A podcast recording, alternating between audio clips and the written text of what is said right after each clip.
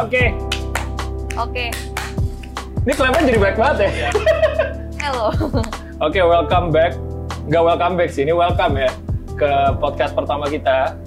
Welcome to the Common Topics, di mana kita akan ngobrolin tentang industri kreatif. Di sini gue nggak sendiri nih. Ada siapa aja di sini? Coba ada siapa? Mas, Mas dari mana, Mas? Halo.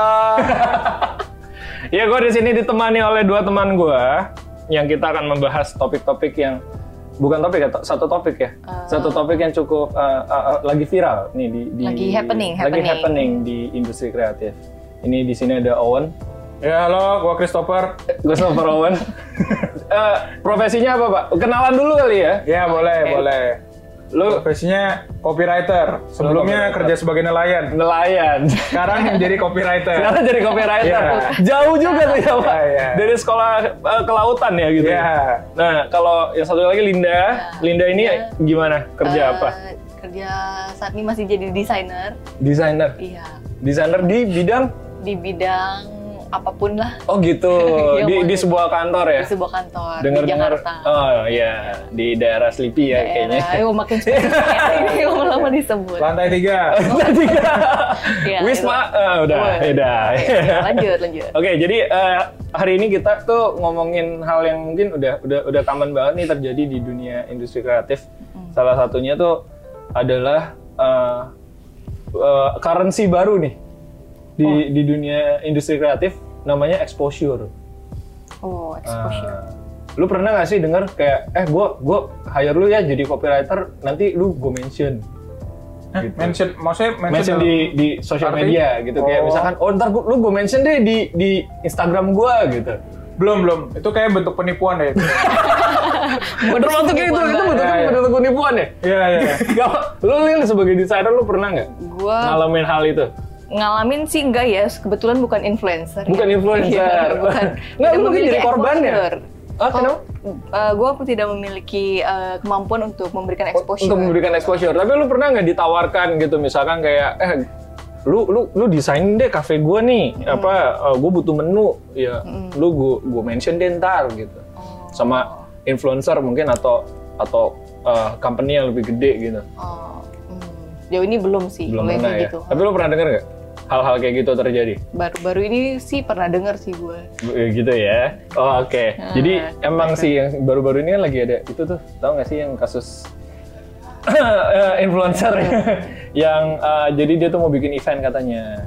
Terus udah gitu dia kayak nggak mau keluar duit dan dia maunya eh, apa barter istilahnya kayak eh yaudah lu eh, bikinin event gue ntar gue mention di Instagram gitu loh nah kalau menurut lo orang tuh gimana sih kayak hal-hal kayak gitu apakah sebagai industri kreatif nih kita make sense gak sih dibayar dengan exposure gitu loh Oh. Jadi sebenarnya ini sih kalau gua ada temen itu sebenarnya bukan exposure tapi dia di tag lah, di mention ketika dia punya karya foto gitu. Jadi dia memang fotografer, terus dia apa di hire sebuah brand gitu kan. Tapi ya memang sebenarnya dia nggak nggak sistemnya nggak barter lah. Intinya di dalam paket red cardnya dia itu Hmm. istilahnya ya ketika udah dibayar gitu maksudnya atas jasa fotografinya ya ketika si pemilik brand ini mau ngupload ya dia sertain eh, nama teman gue ini di captionnya gitu atau mungkin Hmm. di tag gitu. Tapi eh, bukan nama personal ya tapi nama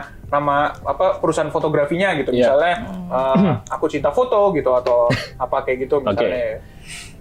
Jadi eh, tapi nggak nggak no money involved gitu ada ada. Maksudnya dibayar seperti biasa Sa- tapi, tapi- di paketnya oh. termasuk itu. Justru gue belum pernah tahu kalau misalnya yang bersih sama sekali tidak ada Hmm. eh, tidak dapat bayaran sama sekali gitu. Mungkin ya beberapa awal-awal karir ka- apa karir mungkin ada yang mau kali ya untuk menambah portfolio gitu. Cuma ya itu tidak tidak Etis tidak- nggak menurut tidak tidak baik lah sebenarnya. Karena kan itu kan kelihatan juga gimana cara si brand itu menghargai si pekerja kreatifnya itu sendiri kan. Hmm, Tapi bagi bagi bagi lu gimana Lin? Bagi lu etis gak sih kayak misalkan sebuah brand atau sebuah influencer gitu butuh butuh something dan dia ya mungkin quote unquote ya ya kayak gitu menawarkan kayak ya gue follower gue banyak nih. Lu dengan gue kasih exposure eh, apa ya mungkin lu bisa dapat uh, duit setelah ini apa klien setelah ini dari dari dari follower dia. Buat lo gimana sih artis gak sih kalau di dunia kreatif buat lo Kalau gue liatnya sih kalau ini berarti ini artisnya yang artisnya Nge- yang yang memberikan propose gitu. iya artisnya yang yang yang nyamperin Oke. lo minta lo ngerjain sesuatu tapi dibayarnya exposure dibayarnya kayak dimension gitu kalau gue sih ngeliatnya kayak kurang etis ya. Kurang etis ya? Maksudnya kayak eh, dari artisnya sendiri kayak Hmm. datengin brand terus bilang eh gue jadi artis yang menawarkan itu seakan-akan Hmm. brand itu emang membutuhkan dia padahal belum tentu brand itu butuh exposure dari dia Nah, satu iya. gitu itu kalau gue lihat. poin penting sih itu Terus kalau gue lihat eh, jadinya kayak eh, artisnya itu nggak respect gitu sih Hmm. sama brandnya. Hmm. Kan eh, maksudnya brand apalagi kalau misalkan brand kita nggak tahu sih mereka kan punya budget kayak kita bisa kok bayar misalnya Iya, nggak tahu sih iya, di belakang iya, kayak kita kok bisa kok bayar maksudnya kita nggak sampai harus eh, butuh gratisan gitu loh Iya, kalau iya, misalkan iya, iya. punya brand kan eh, ya menurut gue sih agak kurang etis sih kalau Kurang etis ya? dia. Kalau opini gue sih, gue mikirnya gini sih, maksudnya exposure tuh kayak currency yang yang gak bisa lu trade secara mudah. Bener gak sih? Kayak ya lu nggak mungkin bisa tiba-tiba lu dapet nih eh, apa bayaran, maksudnya quote unquote ya bayaran lu dimention sama salah satu influencer besar gitu. Ya siapa lah sebut namanya. nah tiba-tiba lu ke tukang pecel lele bawa, oh mas saya mau beli satu pecel lele, tapi saya nggak mau bayar karena saya udah dimention sama ini. Kan nggak nggak bisa kan gitu loh. Maksud gue kayak eh, bagi gue pribadi sih sebenarnya salah atau enggak ya? Ini unpopular opinion gue sih mungkin. Banyak yang bilang soalnya ya itu salah gitu kan. Tapi unpopular opinion gue eh, sebenarnya sih sah-sah aja sih. Maksudnya ada orang yang membayar dengan exposure. Sah-sah aja buat gua gitu. Tapi tapi eh, lu harus tahu dulu kayak eh, apakah eh, target lu target market lu tuh follower dia tuh bukan gitu sih. Ah iya itu buat gua yang paling penting gitu. Maksudnya di saat lu lu punya lu punya ada tawaran seperti itu eh, itu kan sama aja free marketing buat lu iya nggak sih benar nggak sih kayak Iya. kayak kayak kayak, Iya. kayak lu lu dikasih free marketing eh, di di di apa di sosial medianya dia eh, dan budget marketing tuh nggak murah coy Iya kan maksudnya kalau lu deal sama brand segala macam ya dia, dia bikin campaign segala macam buat gain market kan juga nggak murah kan gitu loh. Nah lu dikasih free marketing sama mereka gitu loh. Tapi yang buat gua jadi permasalahan adalah di saat lu dikasih exposure tapi exposure itu nggak te- nggak tepat targetnya sama yang lu aim gitu. Bagi gue sih gitu ya. Tapi ya sebenarnya bukan masalah target atau enggaknya Hmm. dulu ya sebelum Hmm. ke situ masalahnya adalah eh, objektif lu di mana nih? Apakah Iya, lu mau iya, iya. awareness atau sales nih? Nah, Beda iya karena- benar benar benar. Karena setuju gua tuh. eh, banyak lah, maksudnya Mhm. eh, fanpage fanpage di Instagram juga gitu misalnya eh, yang menawarkan istilahnya memposting gitu, Iya. mempost kita bayar untuk posting iklan kita di tempat mereka gitu ya. Oke. Like-nya banyak, view-nya banyak, Hmm. komennya banyak, tapi yang beli barangnya ternyata tidak tidak banyak Nah, juga iya gitu. iya. Gue setuju sih. Iya sih. Tergantung yang dicari.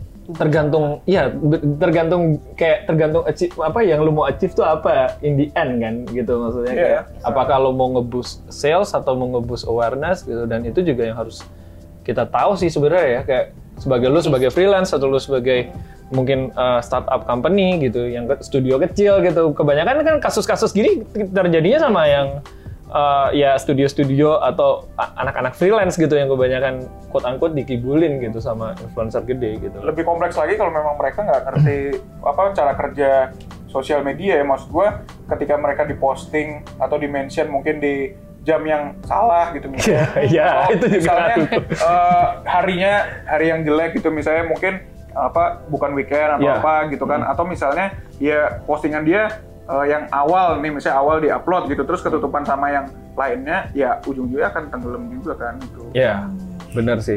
Kayak eh, apa? Dan gue juga merasa sebenarnya eh, influencer dengan followers besar belum tentu. Ini ini ini lu orang setuju atau enggak ya? Gue nggak tahu ya. Cuman influencer dengan followers besar itu lebih tricky daripada micro influencer untuk targetin market. Iya nggak sih? Influencer Karena besar. follower besar itu kan lu nggak tahu tuh kayak itu itu kelas A sampai D itu kan ada di sana kan market lu kelas A sampai D gitu tapi kalau misalkan memang produk lu tuh target lu cuma kelas A sampai B dan lu mau ngebus sales ya lu cuma dapatnya di kelas itu aja gitu loh ngerti nggak sih kayak Iya. Oh, iya, kayak iya, iya. kayak maksudnya kan kebanyakan kan yang melakukan seperti ini kan memang influencer kelas besar kan atau brand yang besar gitu kan. Cuman eh, kebanyakan influencer sih sebenarnya yang nanya-nanya free exposure gini influencer atau artis biasanya kan gitu. Cuman ya yang perlu kita highlight juga ya influencer atau artis terkenal itu belum tentu di sana target market lu tuh gede gitu loh. Maksudnya bisa jadi yang yang ngelihat story-nya juga bukan target tuh gitu loh. Kalau gue sih ngeliatnya gitu gitu loh. Jadi eh, kayaknya sih kalau lu mau terima job-job dengan dengan eh, apa ya dengan bayaran tanpa no money involved dan free exposure gitu, kayaknya pertama yang harus lu make sure apakah company lu tuh satu jalur ya sama orang Sama ini yang- gitu. Iya. Iya. Iya kan, maksudnya kayak apakah company lu, uh, apakah ya follower dia relate sama apa yang lu jual atau sama service lu gitu. Nah itu juga sangat pengaruh sih gitu. Tapi gue juga setuju sih yang tadi lu bilang yang kayak kalau sebagai influencer tuh ya tadi kasusnya influencer propose ke brand misalnya. Iya. Tapi kalau lu tadi ngomong influencer tuh ngerti brand itu butuhnya apa, kayak Mm-mm. targetnya yang tadi yang kayak Owen bilang Iya, antara awareness atau sales, terus influencernya yang propose ke brand tuh gue setuju sih. Iya. Nggak sembarang propose aja yang untuk kayak exposure. Gue punya exposure yang bisa kalian pakai. Iya. gitu. seakan-akan kayak power abuse gitu ya. Apa Jadi ya? Kayak belagu banget ya. Gue bisa Iya kan, gitu, maksudnya kayak kayak gue gue bingungnya tuh gini loh kayak ibaratnya eh, se se ah, separah itu kah moral lu gitu untuk untuk kayak bisa datang ke ke ke satu company atau satu company kecil atau satu eh, freelancer gitu bisa bilang eh gue nih terkenal banget nih lu kalau ngerjain project sama gue oh lu pasti bakal terkenal gitu apakah itu ngefek ke bisnis lu belum tentu men gitu Iya. Iya kan kadang-kadang kan Faktornya terlalu banyak. faktornya terlalu banyak, faktor X-nya terlalu banyak buat gue gitu. Jadi kayak eh, apalagi kalau yang lu baru-baru ya, baru-baru banget terjun di industri, bener-bener mesti hati-hati banget sih sama gini-ginian. Iya, iya. Iya kan, maksudnya kayak Jangan mikirnya kan lu udah kasih jasa atau servis lu tahu-tahu ternyata feedbacknya nggak exactly. setinggi itu yang lu mau. Dan dan buat gue tuh risky sih. Ber- kayak berapa persen sih lu bakal dapat untung gitu dari hal kayak gitu. Kalau lu nggak tepat ya, lu nggak mikir bener-bener lu nggak strategize apa yang lu lakukan gitu loh. Kecuali itu memang udah di planning ya. Iya. Dia mau memang pakai influencer itu misalnya, ya itu mungkin masih lebih masuk akal. Dan biasanya itu kita yang nge-hire, Iya, bukannya kita yang diminta tolong. Itu kan kebetulan yang sangat luar biasa kan. Iya, iya. Misalkan, misalkan nih, misalkan contoh in this case, misalkan uh, gue fotografer yang suka motret sepatu, misalkan. Uh, terus tiba-tiba uh, salah satu brand sepatu terkenal hire gue gitu. Ya, misalkan gue nggak dibayar nih sama brand itu. Buat gue itu portfolio dan free marketing buat gue. Selama gue di-mention ya Iya. selama gue dimension. Kalau gue dimension itu free marketing buat gue dan itu be- benefit gitu. Tapi kalau gue di hire sama influencer gede buat fotoin acara ulang tahun dia, buat gue itu nggak benefit buat gue gitu, nggak beneficial sama sekali gitu. Hmm. Iya kan, ya walaupun mungkin followernya angka followernya lebih besar gitu. Itu sih yang gue berasa kayak eh, kayaknya eh, yang anak-anak mungkin yang fresh grad perlu untuk Iya, lebih berhati-hati. untuk memberikan jasanya.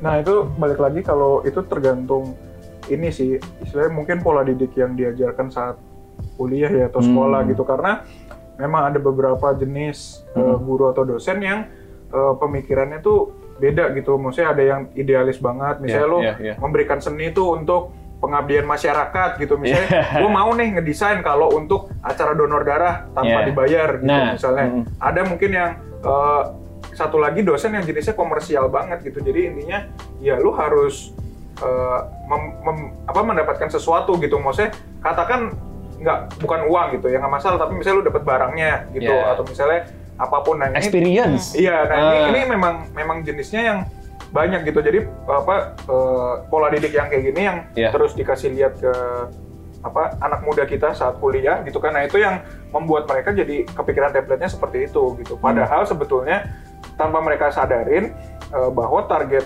marketing itu tuh terbagi dengan sendirinya gitu. Artinya ketika lo skala gede gitu ya, ya lo kan mendapatkan misalnya katakan agensi atau misalnya eh, graphic designer atau Hmm. misalnya copywriter yang juga udah punya nama gede gitu. Tapi kalau misalnya skala usaha yang menengah akan dapat pekerja kreatif yang menengah gitu. Misalnya Hmm, hmm. skala usaha kecil, ya pekerja kreatifnya kecil gitu. Jadi sebenarnya nggak usah takut gitu ketika misalnya, aduh gue nggak dapat klien nih, atau misalnya, aduh misalnya gue cuma dibayar segini nih gitu. Karena ya, ya kita sebenarnya terbagi gitu.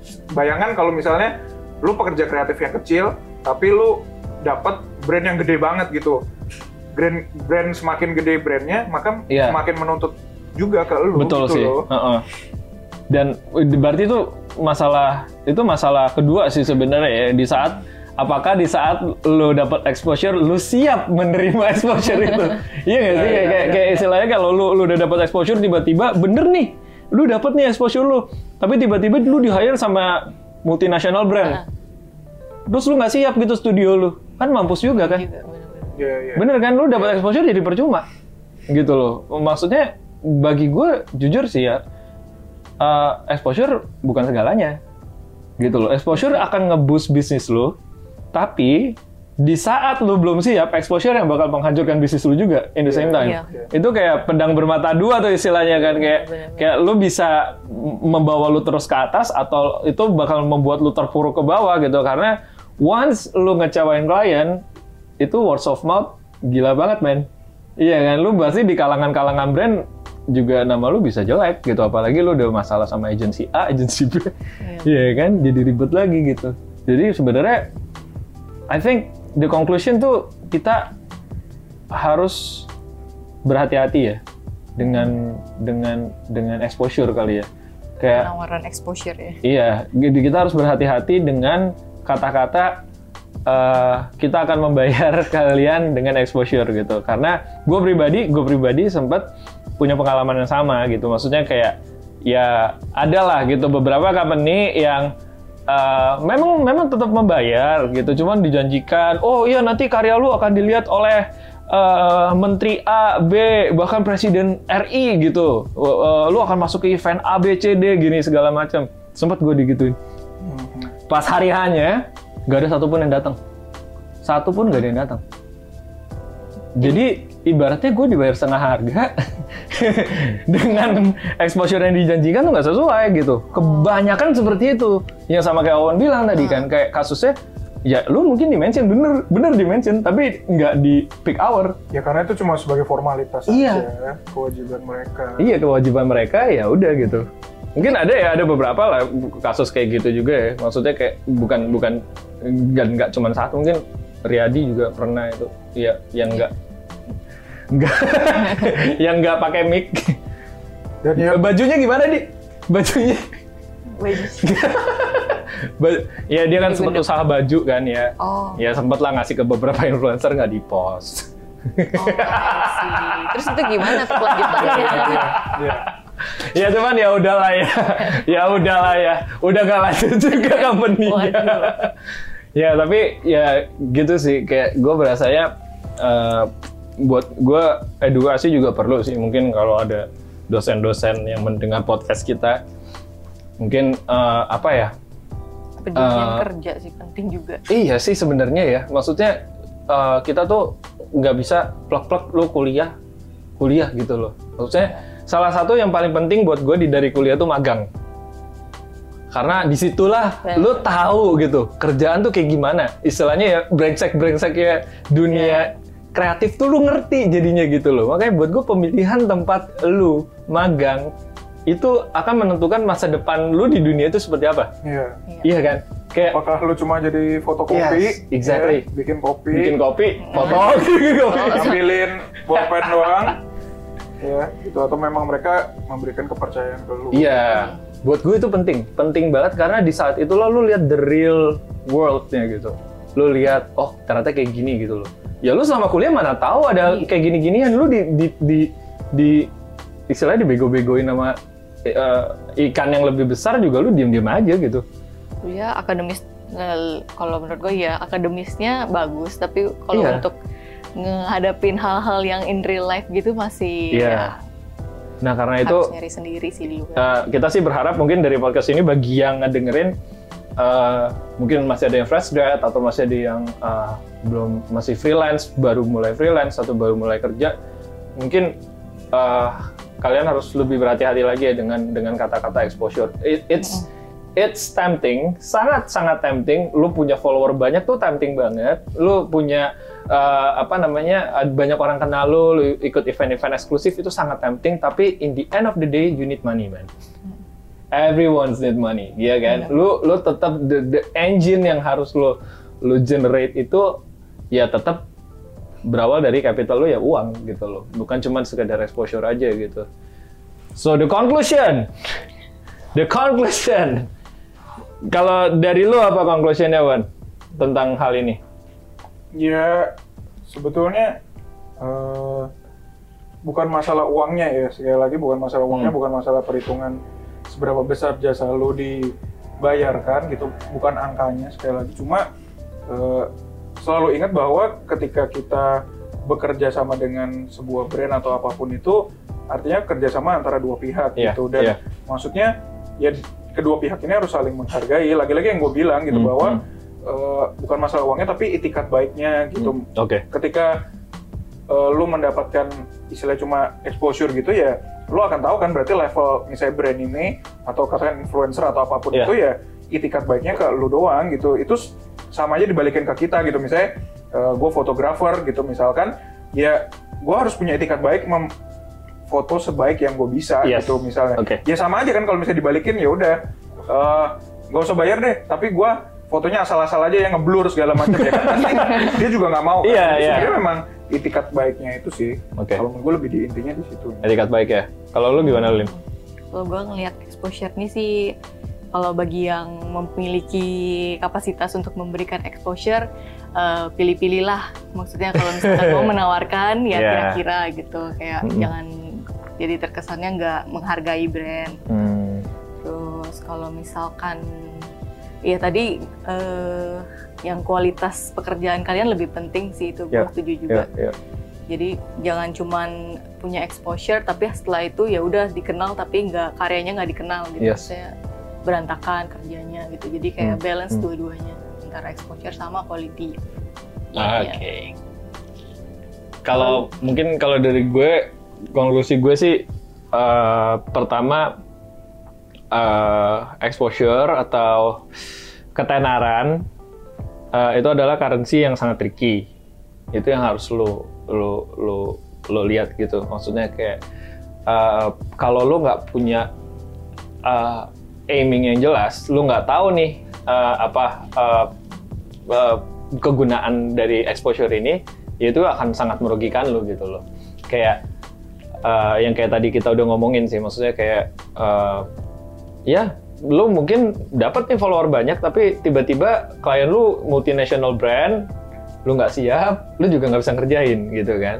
Nah, buat gue sih eh, kalau untuk company kecil atau eh, freelance yang baru, sebenarnya self development tuh penting sih. Jadi foundation tuh penting gitu di saat lo uh, sudah menerima, sudah mengerti nih the core-nya kayak gimana, lo udah punya experience, ya mungkin boleh lah lo lo ngerjain for uh, exposure gitu loh.